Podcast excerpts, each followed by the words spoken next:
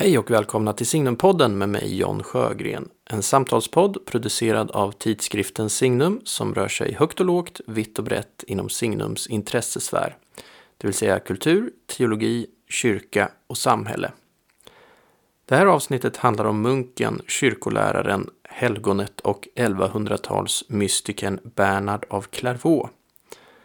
Med mig för att samtala om denna komplexa, fascinerande och inflytelserika figur har jag jesuitpater Dominik Terstrip, kyrkoherde i Sankta Eugenia katolska församling i Stockholm och aktuell med boken En munks vishet, Bernard av Clairvaux andliga och teologiska profil.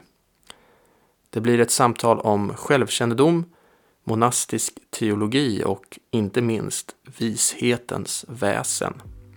Hoppas ni ska finna samtalet intressant.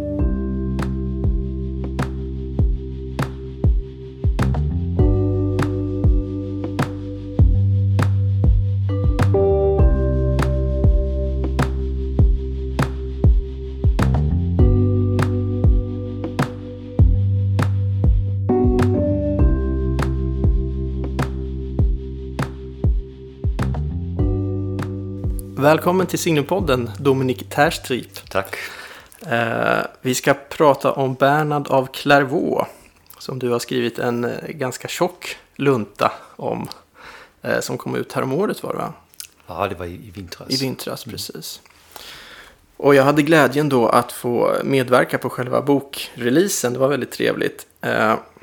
Och jag kommer ihåg då att du sa att eh, på sätt och vis så har du jobbat med den här boken i 30 år. Ja, precis. Vill du berätta lite om din ingång till Bernard av Clairvaux?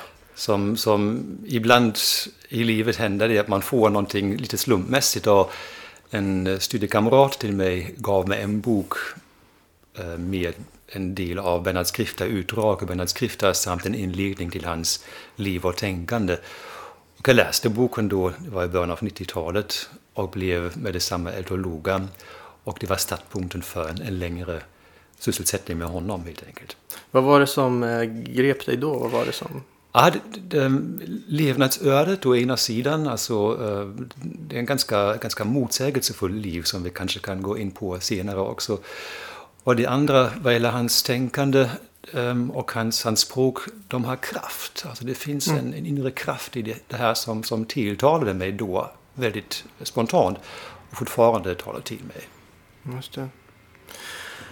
Uh, men sen har du då de senaste åren uh, jobbat med den här boken då. Så det är inte så att du har skrivit på den här boken i 30 år. Men uh, vill du berätta lite om, om varför hur kom det sig att det blev en bok just nu och, och att du tog tag i att skriva den här boken? Så Alltså det finns en yttre anledning och den yttre anledningen var en inbjudan till Access, ehm, deras historiekanal. Och då blev jag ombedd om att ställa upp för en intervju om Bernard af Clairvaux och hans tid. Och programledaren sa då om jag inte ville skriva en bok om honom eftersom hon tyckte att jag hade mycket att komma med och så satte jag igång. Och ehm, det speciella med den här boken är nog uh, vid sidan av um, att den skildrar hans bakgrund, tänkande, historiska omständigheter, att det också finns en specifik svensk uh, synvinkel där. Att jag undersöker hur han påverkat Sverige över tid. Mm. Ja, precis. Jag, jag tänker vi kan eh, återkomma till det där svenska perspektivet lite. Uh, men vi kan ju börja med att bara försöka sätta in honom. Vem var Bernard av Clairvaux? Och sätta in honom i någon slags eh, historisk kontext och sådär också. ja, vem var han? Om man kort ska beskriva honom. Jo, ja, precis. Han var en burgundisk adelsman. En, en stor släkt, adelssläkt. Han var tredje barn av sju. Han till skillnad från sina bröder fick han läsa, eh, var skriftkunnig, eh, fick någon utbildning. Ska vi bara säga att han, eh, vi är nu tidigt 1100-tal. Ja, 1091 tror jag han föds. Ja, 1090, precis. 1090, ja. Alltså ut sent 1000-tal, början av 1100-talet. Just det, det är där vi är. Mm. Ja. Sen ehm, fick hans liv en kanske oväntad vändning i och med att han inträdde i ett reformkloster som kallades Citeaux och han blev inom kort en förgrundsfigur för just det här klostret som var del av en stor reformrörelse i kyrkan då i slutet av 1000-talet. Och kom att bli 1100-talets stora förgrundsfigur för eh, kyrkan förstås, samhället. Man kunde inte riktigt skilja mellan de båda, eh, alltså kyrkan och samhället. Och var väldigt inflytelserik på många olika plan, religiöst, andligt men också politiskt. Och dog sen 1153 eh, och lämnade efter sig ett ganska omfattande eh, verk, alltså skriftligt mm. men också strukturellt. Alltså det hade grundats över 70 kloster under hans eh, levnadstid som chefen för hela kongregationen för cistercienserna. Just det. Precis, och det är väl äh, hans stora arv kanske då, de här kloster, klostren som han grundar. Äh, är det inte så att han, han är väl också känd som en äh, liksom väldigt eldig och duktig predikant?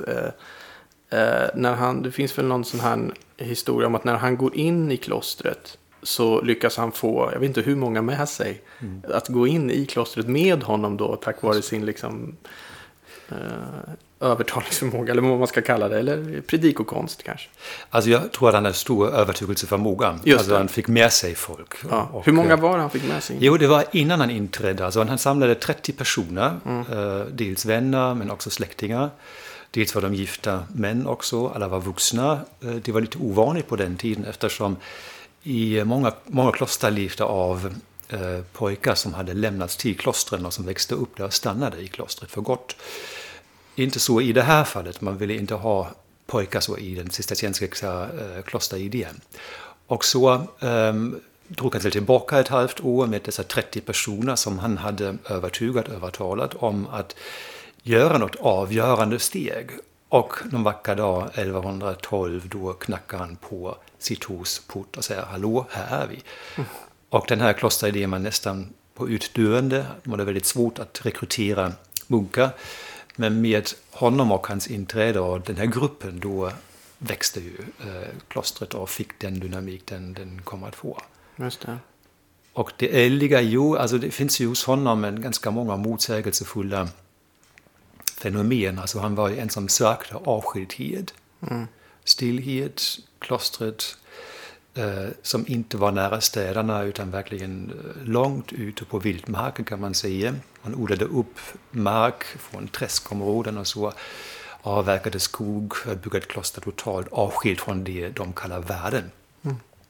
Samtidigt som man hade den här retoriska, utåtvända sidan. Alltså, och, och han led av motsättningen mellan de båda. Han ville vara munk samtidigt som han dels självmant, dels på uppdrag, måste lämna klostret och begav sig på stora resor för att predika och um, mäkla fred, förmedla och så vidare. Just det.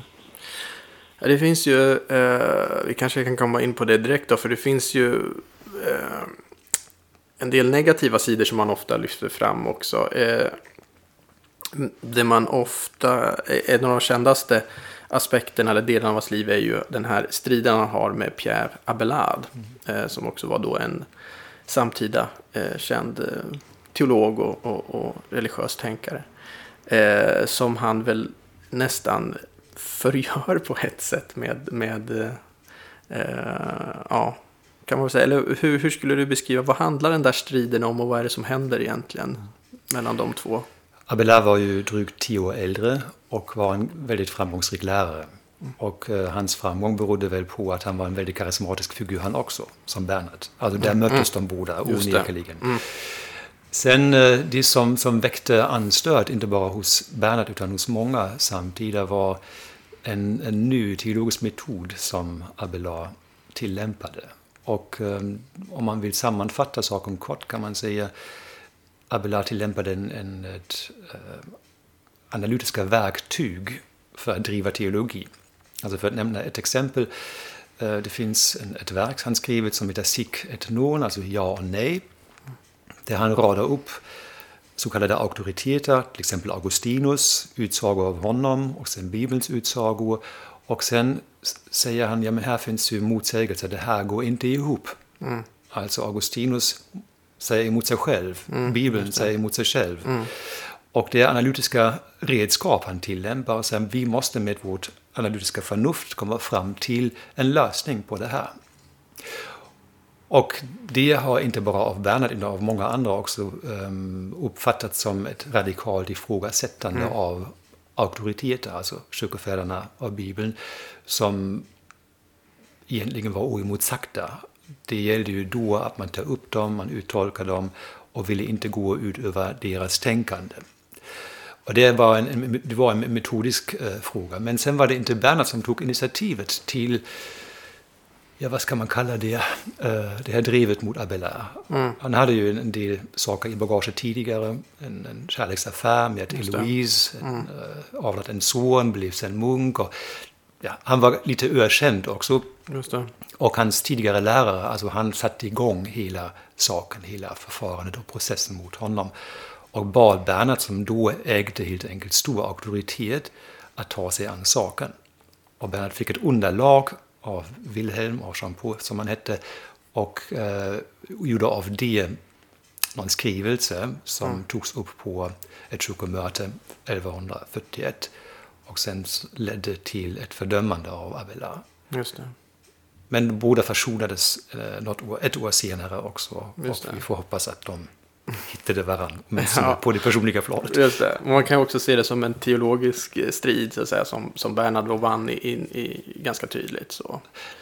Ja, i, i stunden, ja. men inte i längden. Ja, just det. Eftersom Abelards metod var framtiden. Just det, vi kan komma tillbaka till det lite med, ja. med eh, monastisk eh, kontra eh, skolastisk teologi och sådär. Eh, tänker vi kan komma in på det senare. Men eh, ett annat sånt här mm, lite prick i protokollet som ofta kommer upp när man pratar om Bernhard är ju att han eh, var väl en av de drivande i korståget också, det andra korståget. Och eh, var ganska hård i sin, eh, han uttryckte att vi måste liksom verkligen eh, eh, komma åt de, de otrogna här och så. Och det, det ser ju inte så fint ut i, i samtida, med Nej. vår samtida blick så att säga. Nej, det är sant.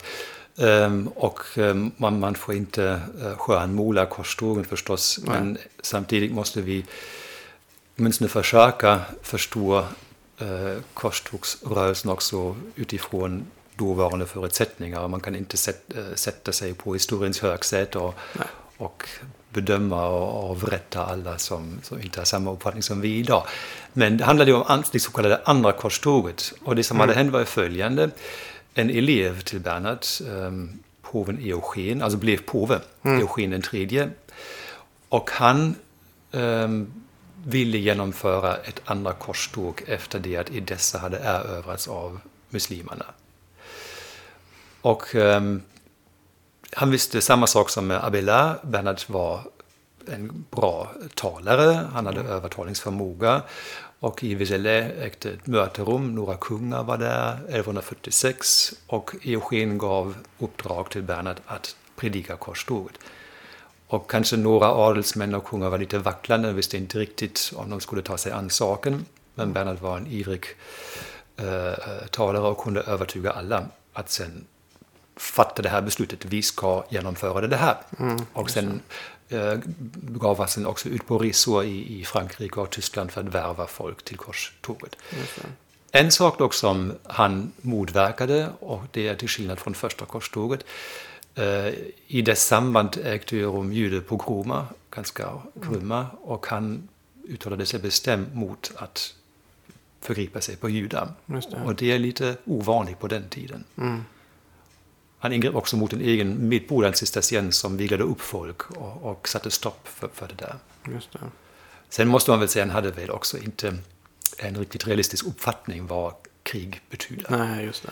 Och uh, han skissade en, um, en skrift uh, till tempelriddarna, en munkar som går i strid, som lever föredömligt, som vill befria de heliga platserna, uh, men så är inte krigshandverket. Nej, det är en helt annan verklighet. Ja, ja. precis. Har du läst eh, den svenska Wikipedia-sidan om Bernhard av Clairvaux?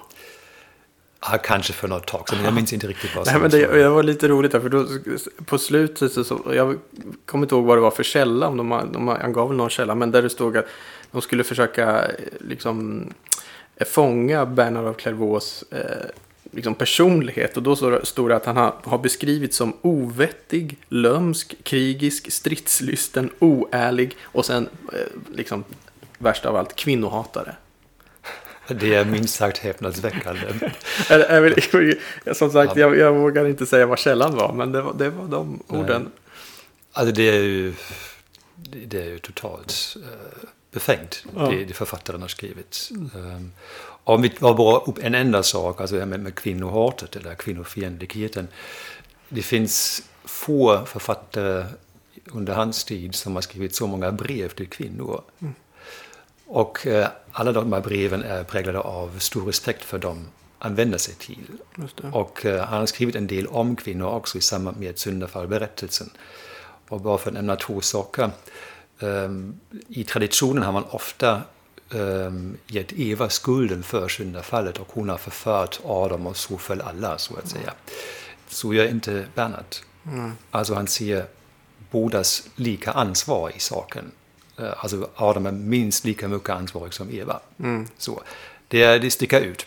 Just det, vilket ju är den eh, liksom, vanliga läsningen idag kan man säga. Men Precis. det var inte det då. Och det andra var att det fanns ju många, alltså många teologer hade ju ärvt eh, den antika misogynin, alltså mm. kvinnofientligheten. Den tar Bernhard inte upp alls. Ingenting. Och att man tiger om en sak säger också mycket.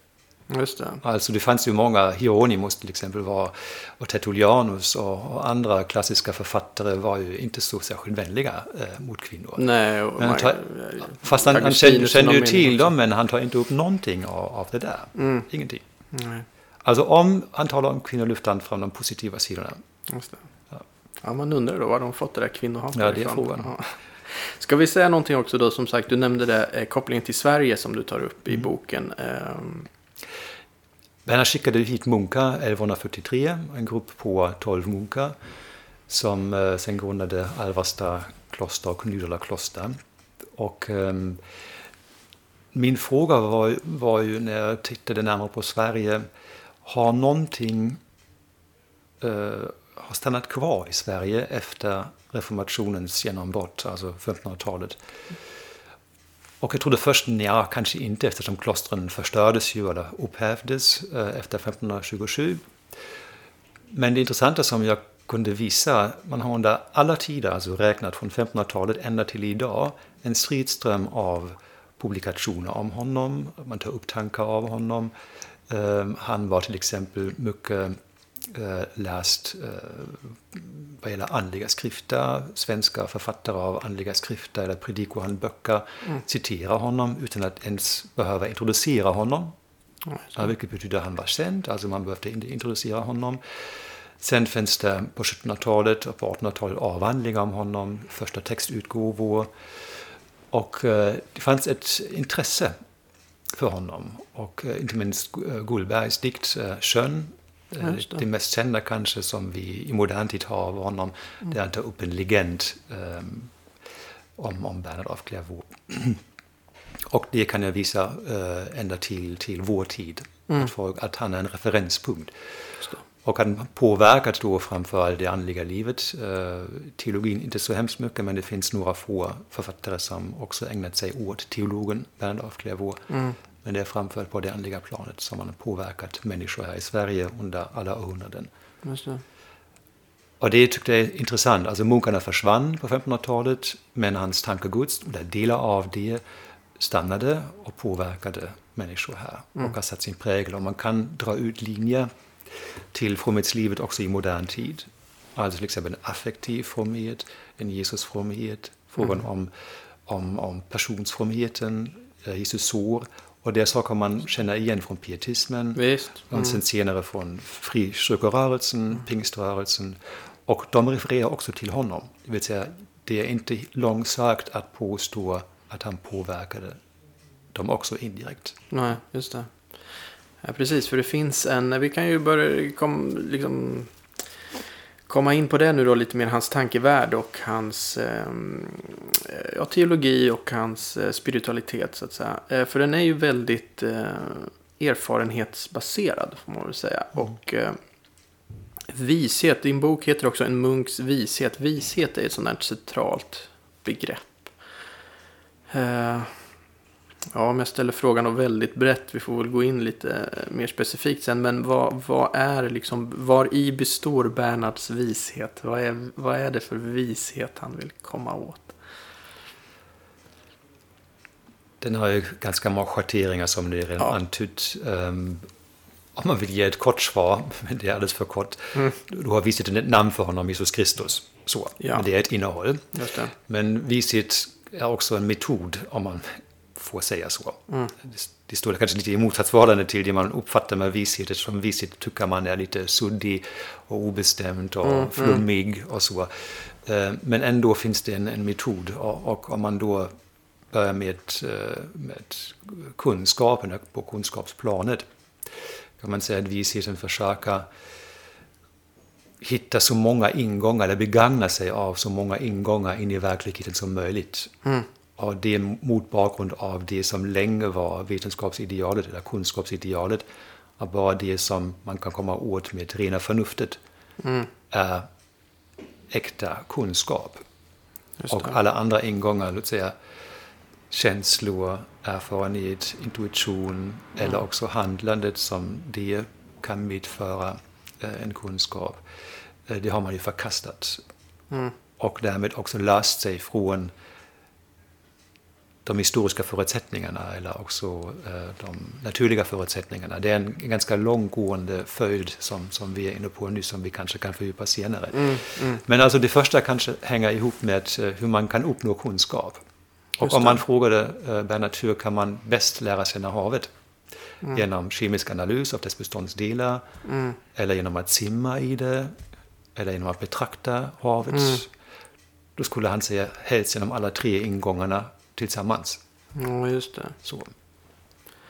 Ja, precis. Jag tänker på, på eh, en my- mycket mer sentida tänkare på Goethe där. Som, som ju hade något sånt här liksom, kunskaps och vetenskapsideal som sa man ska inte, om man vill lära känna liksom, ett, en blomma, då ska man inte dissekera blomman. Man ska inte liksom, lägga den under lupp och liksom, plocka isär den. Man ska sätta sig bredvid blomman.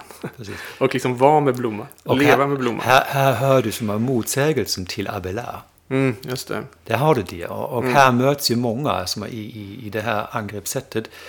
Om vi, analys är nödvändig, självklart, men Mm. inte den, den enda, det enda sättet att få kunskap om en sak. Och kanske inte ens det främsta. Nej, det. Och ehm, du kan analysera någonting, det vill säga du, du skär upp saken, dissekerar saken i olika beståndsdelar för att härleda principer eller lagar därifrån. Och sen är frågan, vad har du då sett? Okej, det är en viss kunskap du har. Och den andra frågan är, får du ihop det igen? Just det. Ehm, Jag kommer det- ihåg att du hade ett, eh, när- på den här bokpresentationen då, eh, att du hade ett ex exempel från ditt eget liv där som var ganska bra när du var liten. Ja, Plock- dra den? För den är en ganska bra bild Ja. för, för, för det här. Alltså jag hade någon, någon mekanisk väckarklocka som jag älskade, alltså med fosforiserande siffror och de tickade ganska högljutt. Och, och en vacker dag fick jag för mig att jag skulle undersöka klockan lite närmare och tog, tog en liten skruvmejsel fram och, och plockade isär hela väckarklockan. Alla eh, tagghjul och så vidare hade jag massor med delar framför mig på bordet. Men jag fick inte ihop det igen. Den kunskapen hade jag inte. Jag Nej, kunde precis. plocka isär, men jag fick inte ihop den igen. Men en vishet då, skulle man kunna säga det, det är att förhålla sig till helheten på något sätt. Så skulle jag säga. Ja. Och Bernhard har ett begrepp, um, han, han, han talar om ett integre cognoscere, alltså att på ett integralt helhetssätt uh, få kunskap om saker och ting. Så.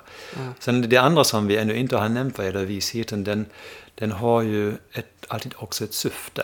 Det är inte kunskapen för sin egen skull, utan visheten som, så som den finns i traditionen ehm, har ett praktiskt syfte, vill leva med att eh, lära mig att leva. Så. Just det. Eller också om du tänker på all den kunskap vi har, eh, hur kan vi hantera den? Och visheten lär mig att hantera kunskap. Just det. Och här kommer erfarenheten in i bilden. Alltså jag, jag lär mig som bäst genom erfarenhet. Alltså hur ska man hantera vissa saker. Och, och det, är, det är det som, och det handlar också då i Bernhards teologi väldigt mycket om att han vill förmedla praktisk kunskap. Det handlar inte först och främst om att jag har en teoretisk insikt, Nej. utan jag vill hjälpa människorna att leva Just det. och att uppnå sitt livsmål. Det, det är ut, det yttersta, äh, yttersta syftet, så att säga, för hela teologin. Just det. Och visheten är väldigt praktisk i den meningen. Ja. Jag tänker det där också. Det där går, mycket av det här, det, det tänker jag att kanske lyssnarna förstår av sig själva. Men jag tycker väldigt mycket av det här går in i vår tid också. Som, som, eh, jag tycker det här är ett budskap som eh, ja, också behövs i vår tid. För att det, det finns en ganska stor kunskapshybris tycker jag. Och den här synen att kunskap eh, och sanning är liksom någonting som bara handlar om eh, liksom sanna påståenden ungefär. Det. Medan jag skulle säga att sanning är ett sätt att leva och ett sätt att Skulle- vara i världen. Bernhard skulle vara glad över det här uttalandet. Ja, bra, han godkänner mig. Nej, en annan, annan fråga är i det här sammanhanget, jag, jag antytt det lite grann. Ehm, om du begränsar dig bara på det analytiska eller på att komma fram till abstrakta begrepp förlorar du kontakten med verkligheten. Och det här dissekerande har lett till att man trodde sig kunna formulera abstrakta begrepp som är tidlösa. Mm, just Och med det lämnar man historien bakom sig. Men för det första kan ingen sofistikerad tänkare som helst tänka utan förutsättningar. Han utgår ifrån någonting. Där har man historien igen. Men man, man låtsas som om den inte fanns. Och det andra, nu kanske drar stora växlar på det här, men eh, det s- miljökrisen idag hänger också ihop med det dissekerande analytiska. Att vi inte längre kunde se helheten utan fokuserade på enskildheter och har förlorat kontakten med, med det hela och hur allting hänger ihop. Eller också med det estetiska för den delen. Mm, ja, visst. Nej, precis. Jag, jag eh, tänker ofta att man... Eh, ett stort problem idag att man har, har liksom skilt de här tre klassiska transcendentalerna som man pratar om i antik eh, filosofi, det sköna, det goda och det sanna, att man har skilt dem åt. Alltså att eh, det som är skönt har ingen koppling till, till vad som är sant och gott. Men i det antika tänkandet tänker man att det är ju en och samma sak. Alltså allt som existerar präglas av liksom det sanna, det goda, det sköna. Men om du tänker att liksom sanning, det har ingenting med skönhet att göra, det har inget med godhet att göra, eller det sköna, det har ingenting. Då blir liksom världen disintegrerad på något sätt. Det, man förlorar helheten.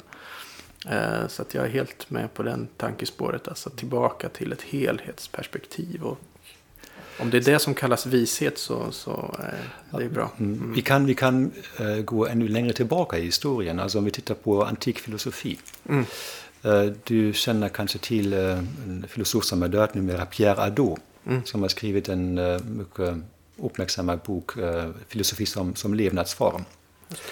Och han pås, alltså hans huvudtes är att den antika filosofin ville inte först och främst komma fram till en diskurs eller till teoretiska satser, utan utgick från ett medvetet val. Jag bestämmer mig för en livsform.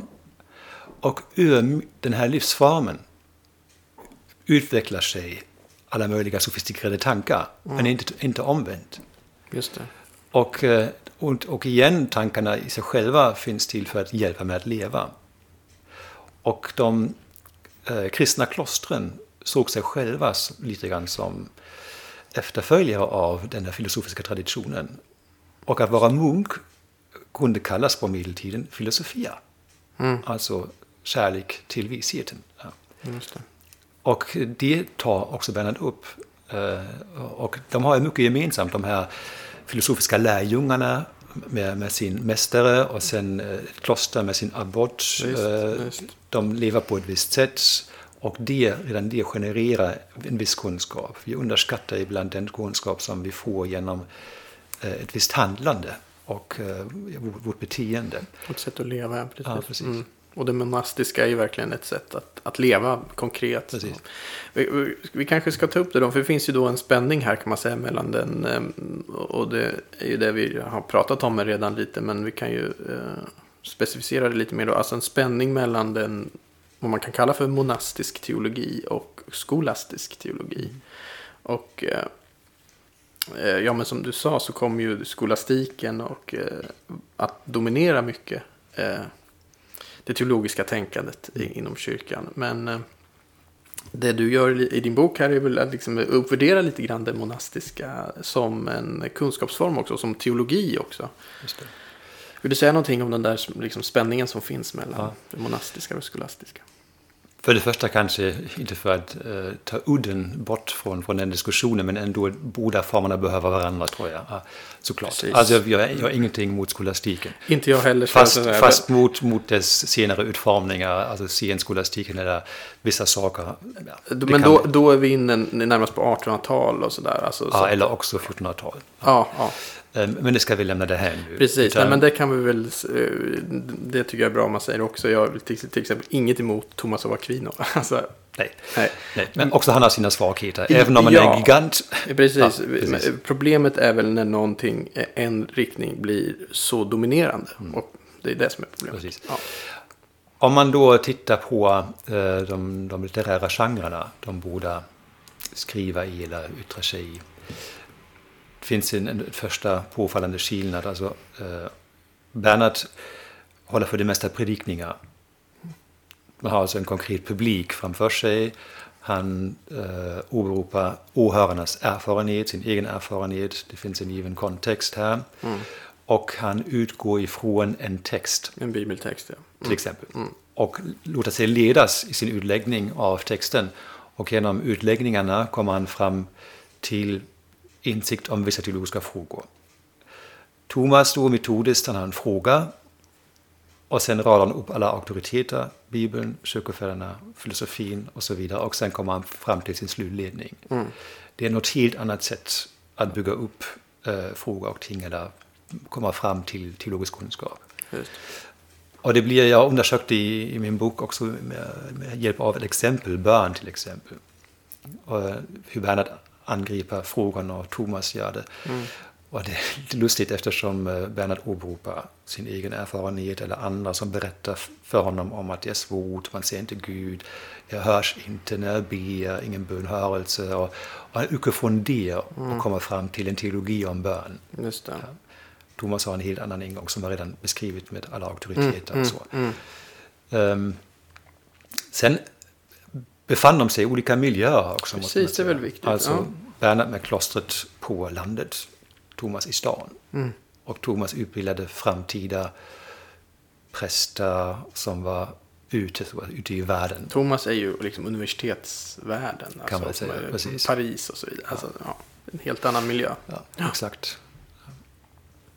Och eh, uppkom situationen påverkar ju tydligen Mm. starkt själva utfallet. Ja. Precis. Nej, men jag tyckte det var viktigt också det här poängterar och du gör, du gör ju det tydligt i, i boken också. Alltså att eh, vishet, det vi pratar om vishet här, är ingenting som liksom går emot förnuft och rationalitet. Utan det är ett komplement. Alltså det, Och det har sin egen förnuftighet också. just det, det har sin egen rationalitet. Ja, det. precis. Mm. Och ehm, om man bara tror den är, den är suddig och, och lite flummig, då har man inte fattat saken. Nej. Nej. Det finns ju ett, en sån här nyckelmening som, som du tar upp i boken eh, som eh, Bernhard har då. Och det är den här, det kan man plocka isär lite då. Och vad betyder det här egentligen? Vis är den som smakar på alla ting sådana de är. Mm.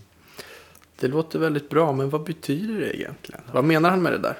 För det första anspelar han på, på ordets ursprung, alltså visit är på latin sapientia och det kommer från sapere, ett verb som heter att smaka. Just det. Ja. Och eh, då har vi redan en helt annan ingång i, i, i, i frågan eftersom det handlar om smak. Inte först och, alltså det är en, en, en sinnesförnimmelse. Inte först och främst om något abstrakt teoretiskt i mitt huvud. Mm. Och att smaka på saker och ting, ja. Vi kan ju fråga alla, alla som, som lyssnar nu, hur är det när du smakar någonting? Det är en ganska subtil förnimmelse. Och tyvärr smaksinnet är det mest subtila sinne vi har. Mm.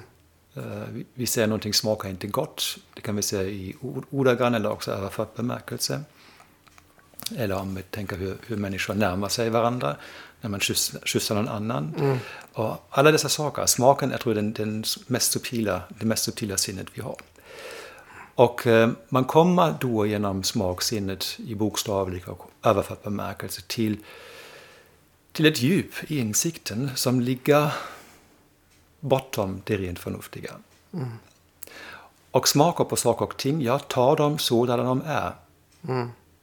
Alltså rosen som en ros och inte som, inte som uh, en, en särart bland blommorna eller så. Utan inte med ett analytiska förnuft och, och smaka på den så sådan den är. Mm. Och det fyller också, det säger mycket om, om utgångspunkten för visheten och för hans teologi. Han utgår alltid från det konkreta. Och närmare bestämt från subjektet självt. Alltså det kan vi också kanske utveckla lite närmare. Eh, självkännedomens betydelse för hans teologi och, mm. och för traditionen. Börja alltid hos dig själv, säger Bernhard. För att lära känna inte bara dig själv, utan också nästa, världen och Gud. Just det. Och det kallas i litteraturen eh, kristen sokratism. Alltså man mm. ärver ju det här, mm. äh, lär känna dig själv mm. och anammar det för det andliga och det teologiska. Just det. Ja, det där tycker jag är intressant, alltså självkännedom. Jag, jag tycker det också i mitt, eh, i mitt liv liksom börjar luta mycket mer åt det också. Jag, eh, Carl Gustav Jung säger det någonstans, den analytiska psykologins fader, att, att den enda liksom lösningen, om det nu finns någon lösning på ondskans problem, det, det stavas självkännedom. Alltså det finns inget annat sätt att göra det på. Nej. Alltså för då, då förlägger du det onda eller så utanför dig själv och ska försöka liksom eh, ja, ta bort det utanför dig själv. Men du måste, det måste gå genom självkännedom. Precis. Och Vilket det... gör det mycket, mycket jobbigare och svårare. Jo, men, men, och det, det skulle man ha kunnat säga på samma sätt. Mm. Alltså det första man ser när man, när man ser på sig själv är just eh, en, en dubbelhet.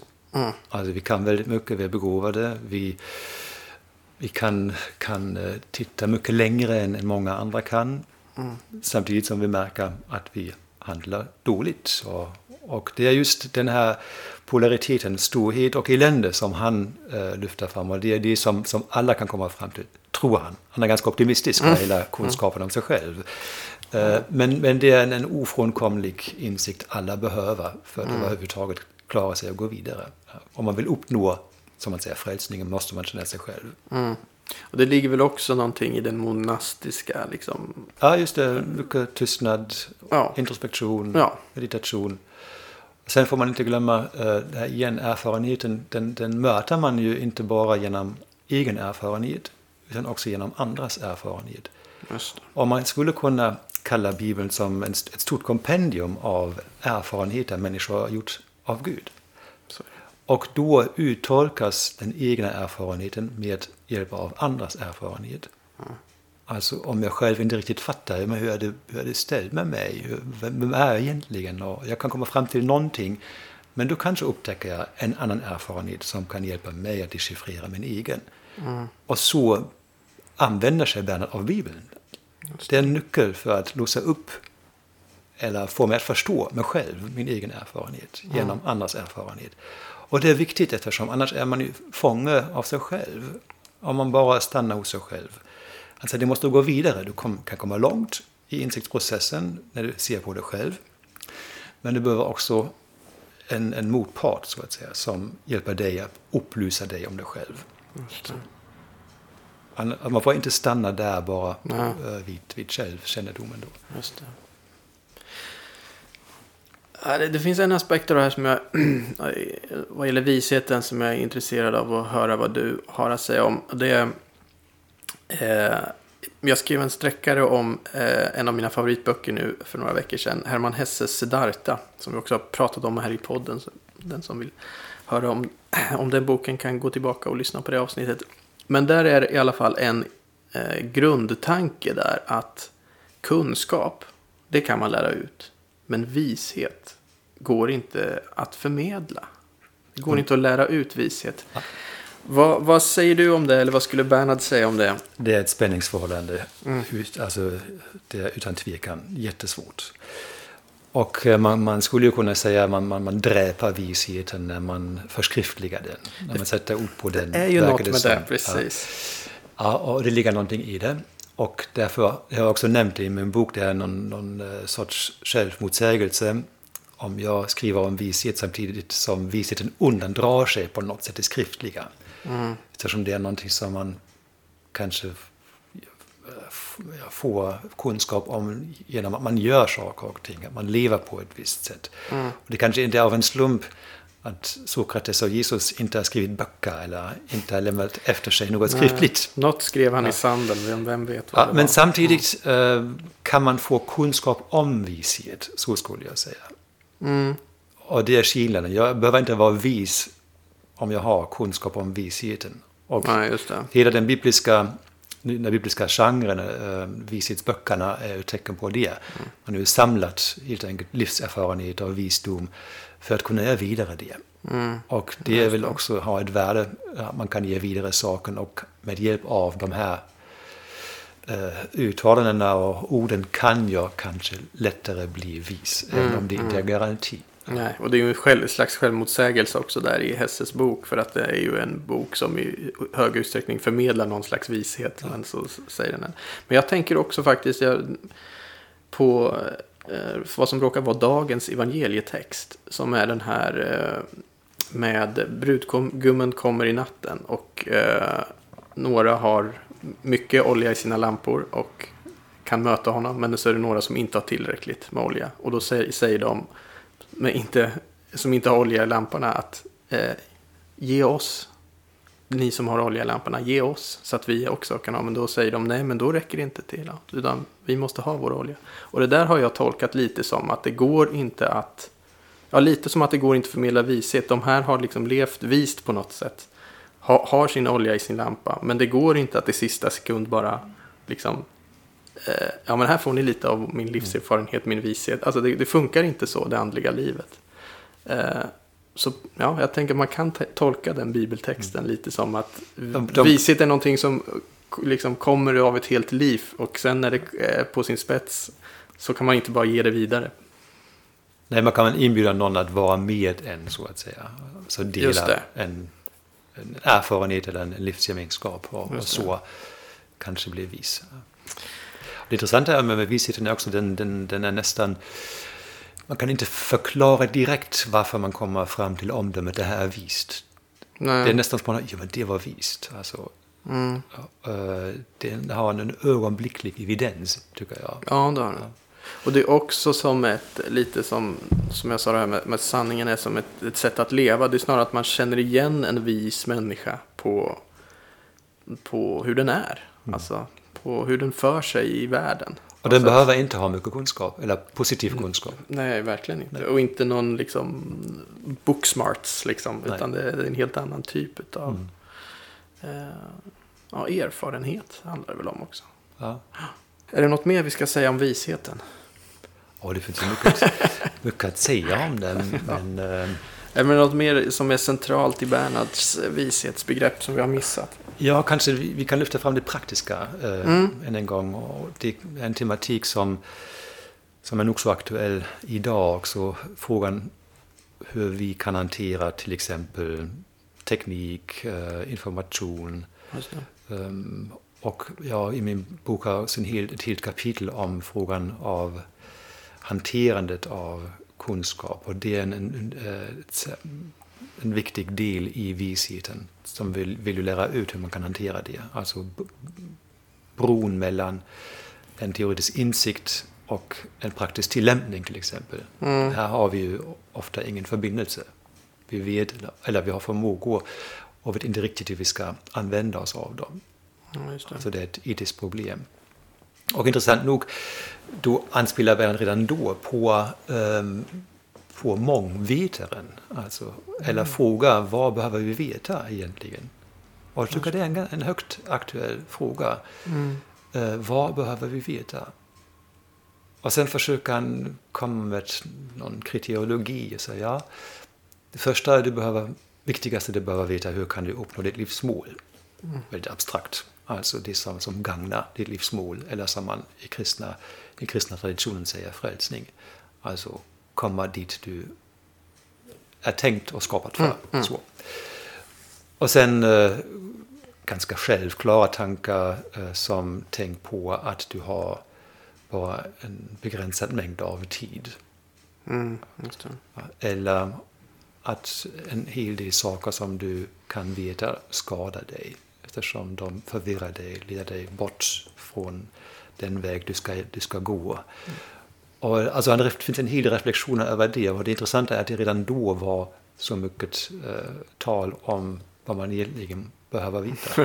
Det. Och, och det har ju blivit ännu mer idag. Ja, när vi drunknar i information. Ja, precis. Och det är som att information är detsamma som kunskap. Mm. Eller, eller vishet. Vishet är ju inte att vara liksom, väl informerad. Mm. Och det är också eh, en, en förebråelse som ingår i kontroversen med Abelard. Han säger han, han kan allt, förutom att han inte säger vad han, att han inte kan. Så. Eller han, han känner, känner till allting, förutom sig själv. Så. Det är lite sådana retoriska förebråelser mot, mot Abelard. Alltså Man märker ofta börjar man just den här kunskapsfrågan. Ja, eh, jag, jag tänker två eh, begrepp som jag kommer ihåg eh, att jag fastnade vid när, när jag läste boken. Som jag tycker är intressant, som går in i det här med vishet, tänker jag, det är, och som jag tänker vi kan runda av med här kanske lite, det är eh, viljan och kärlek. För han, han har ett intressant, eh, och det har- går väl in i det här med självkännedom också. Som, alltså så att visheten går via självkännedom. Han skriver någonstans att eh, hur man ska, alltså att män, det som är målet för människan är att människans frihet ska återställas. Alltså då i, i förhållande till viljan. Och så fort den egna egenviljan upphör så kommer helvetet inte att finnas längre. Mm. Vad menar han med det där? Alltså han har skrivit väldigt mycket om just den, den här frågan om, eh, om viljan och den fria viljan och kärleken. De, de ligger ju i affektläran på samma plan, kärleken och, och, och viljan. Eller kärleken ordnas till, till viljan.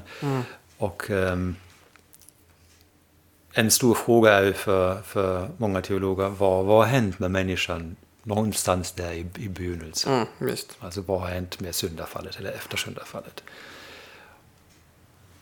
Okej, eh, mycket. Eh, vi kan inte längre så som förut. Men, och det är det positiva, och Bernhard är mycket mån om att lyfta fram det. Ofta, människan är inte förlorat och hon har förmåga kvar. Alltså hon, hon förblir ju människa. Och sen eh, för honom frågan, är, vad utgör en människa? Jo, människan har en fri vilja. Och den har hon alltid. Även efter syndafallet. Även om det kan vara påverkat ibland, men du har i grunden en fri vilja. Och det är någonting som han, inte bara, men eh, han, han identifierar som en väldigt viktig punkt i att vara människa. Mm. Som också medför ansvarsprincipen. Om jag inte är fri kan jag inte ansvara för någonting. Alltså allt skulle rasa om människan inte vore fri. Men eh, det är en väldigt viktig punkt. Och det som, som vi har inte talat om det alls, konstigt nog än, men eh, frågan om kärleken, vad du nämnde den nu. Ehm, han kallar ju klostret också eh, kärlekens skola. Just det. Och munken ska lära sig att älska. Älska Gud förstås, nästa sig själv. Och ehm, den kärleken till, till sig själv är det naturligt första eftersom man måste ta hand om mig själv, helt enkelt. Det är påbjudet. Eh, Men den får inte stanna där utan den eh, måste vidga sig till nästa eftersom jag vet av erfarenhet att jag är behövande, alltså vet jag också att nästa är behövande. Och sen kan jag, kan jag fråga vidare, eh, kärleken måste sträcka sig också till den allting kommer ifrån och från Gud. Det intressanta, och det är kanske lite nytt eh, hos honom, är eh, en skrift om kärlekens fyra trappsteg. Just det. Mm. Och eh, den, den tar upp lite tankar jag redan lite antytt. Eh, Det första, alltså fyra olika trappsteg. Det första, älska dig för din egen skull. Okej. Sen älska eh, Gud för alla goda sakers skull som han har gett dig. Andra steget. Tredje steget, älska Gud för Guds skull. då skulle man säga att nu har vi uppnått höjdpunkten. Mm, det finns en till då. Det finns en till, en fjärde precis. Älska dig själv för Guds skull. Just det. Vad är skillnaden då att älska sig själv för Guds skull? Eftersom- eller att bara älska sig själv? Då har du accepterat dig sådan skaparen ser på dig. Och då har, då, då har du i högsta grad uppfyllt skaparens vilja och blir ett med honom. Det är höjdpunkten i den mystika föreningen. Din vilja och Guds vilja har blivit ett. De förblir två, men de är förenade med varandra. Och du bejakar dig själv som en skapad varelse från Gud. Är, det, är den eh, trappsteget... Är det möjligt i det här livet? Det undrar också Bernhard. Alltså kanske ibland. Eftersom han är ganska försynt vad gäller sådana mystiska upplevelser. Han, han talar inte mycket om det. eh, Och är försiktig. Alltså, det kanske händer någon gång. Några få, jag vet inte. Alltså, alltså han är ganska För det låter som den liksom slutgiltiga föreningen med Gud nästan. Den, den, den beskrivningen. Jo, men, men han, han uh, lyfter fram att sådana här saker kan också erfaras i jordelivet. Det är inte bara slutet. Vi, vi får någon försmak av det. Mm. Och den här mystika en- föreningen är också viktigt. Det är ju inte så att uh, människan blir utplånad. Nej, precis. Jag älskar mig själv för Guds skull. Mm. Ja. Det är en mycket bra formulering. Ja. Och ehm, det, det är ju det som det är en, kanske en ny diskussion om man talar om mystik. Men om man eh, utgår ifrån en, en treenig Guds bild, Mm. då är Gud i människan som människa. Människan blir inte lik Gud, blir förenad med Gud, men inte lik Gud. Mm. Men i en gemenskap som inte kan tänkas närmare, men ändå är man åtskild. Just det. Ja, det, är, det är väldigt viktigt. Mm. Just det, precis. Det, Det blir inte upplöst i Nej. ett gudomligt hav. Nej, alltså. det är ju kanske mer den här österländska Mm. eh, bilden som man har precis. Att, att eh, ens identitet helt så att säga, upplöses i Gud. Men det är ju inte riktigt den kristna tanken. Nej. Men det är en förening men, men eh, det egna består så att säga. Mm. Just det. Och det är vitsen också med en, en treenig Gud. Den har plats, utrymme för det annorlunda. Mm, just och det. det annorlunda är inte lik, likgiltigt, utan för, han förbinder sig med det. Mm. Det. Och om man då om man, om man smälter samman finns det finns ingen relation längre. Nej, Det precis. det. precis. Och, Och, och, Gud är i någon mening relation. Just Precis. där med, när vi pratar om en och utan Gud. avstånd finns ingen relation. Nej, nej, det där är jätteintressant. Ja. nu kommer vi in på sån här, kan vi fortsätta två timmar till här? jag. Tror det är bra om vi börjar runda av lite grann. Men jag tycker det är väldigt fint också det här att kärleken är växande från dem också. Att Mm. kärlek är, eh, kärlek är att växa i någon mening. Och det där tycker jag också är en fin bild. Precis, men sen, sen han har ju en, en hel del sådana scheman eller trappsteg och Mm. sen finns olika alltså, om, om ödmjukheten och så vidare. Men man får inte uppfatta dem eh, mekaniskt. Utan Nej, nej. Men man kanske befinner sig på två olika plan samtidigt. Just det, det är mer en Precis. organisk sak. Mm. Bara för att visa, alltså det kan finnas ett framsteg i det här. Mm. Ehm, men ofta befinner man sig i, i många saker samtidigt Just och kan det. inte skilja rent mellan steg ett och två. Nej, just det, det. Nej, precis. Det är inte på det schematiska sättet. Nej.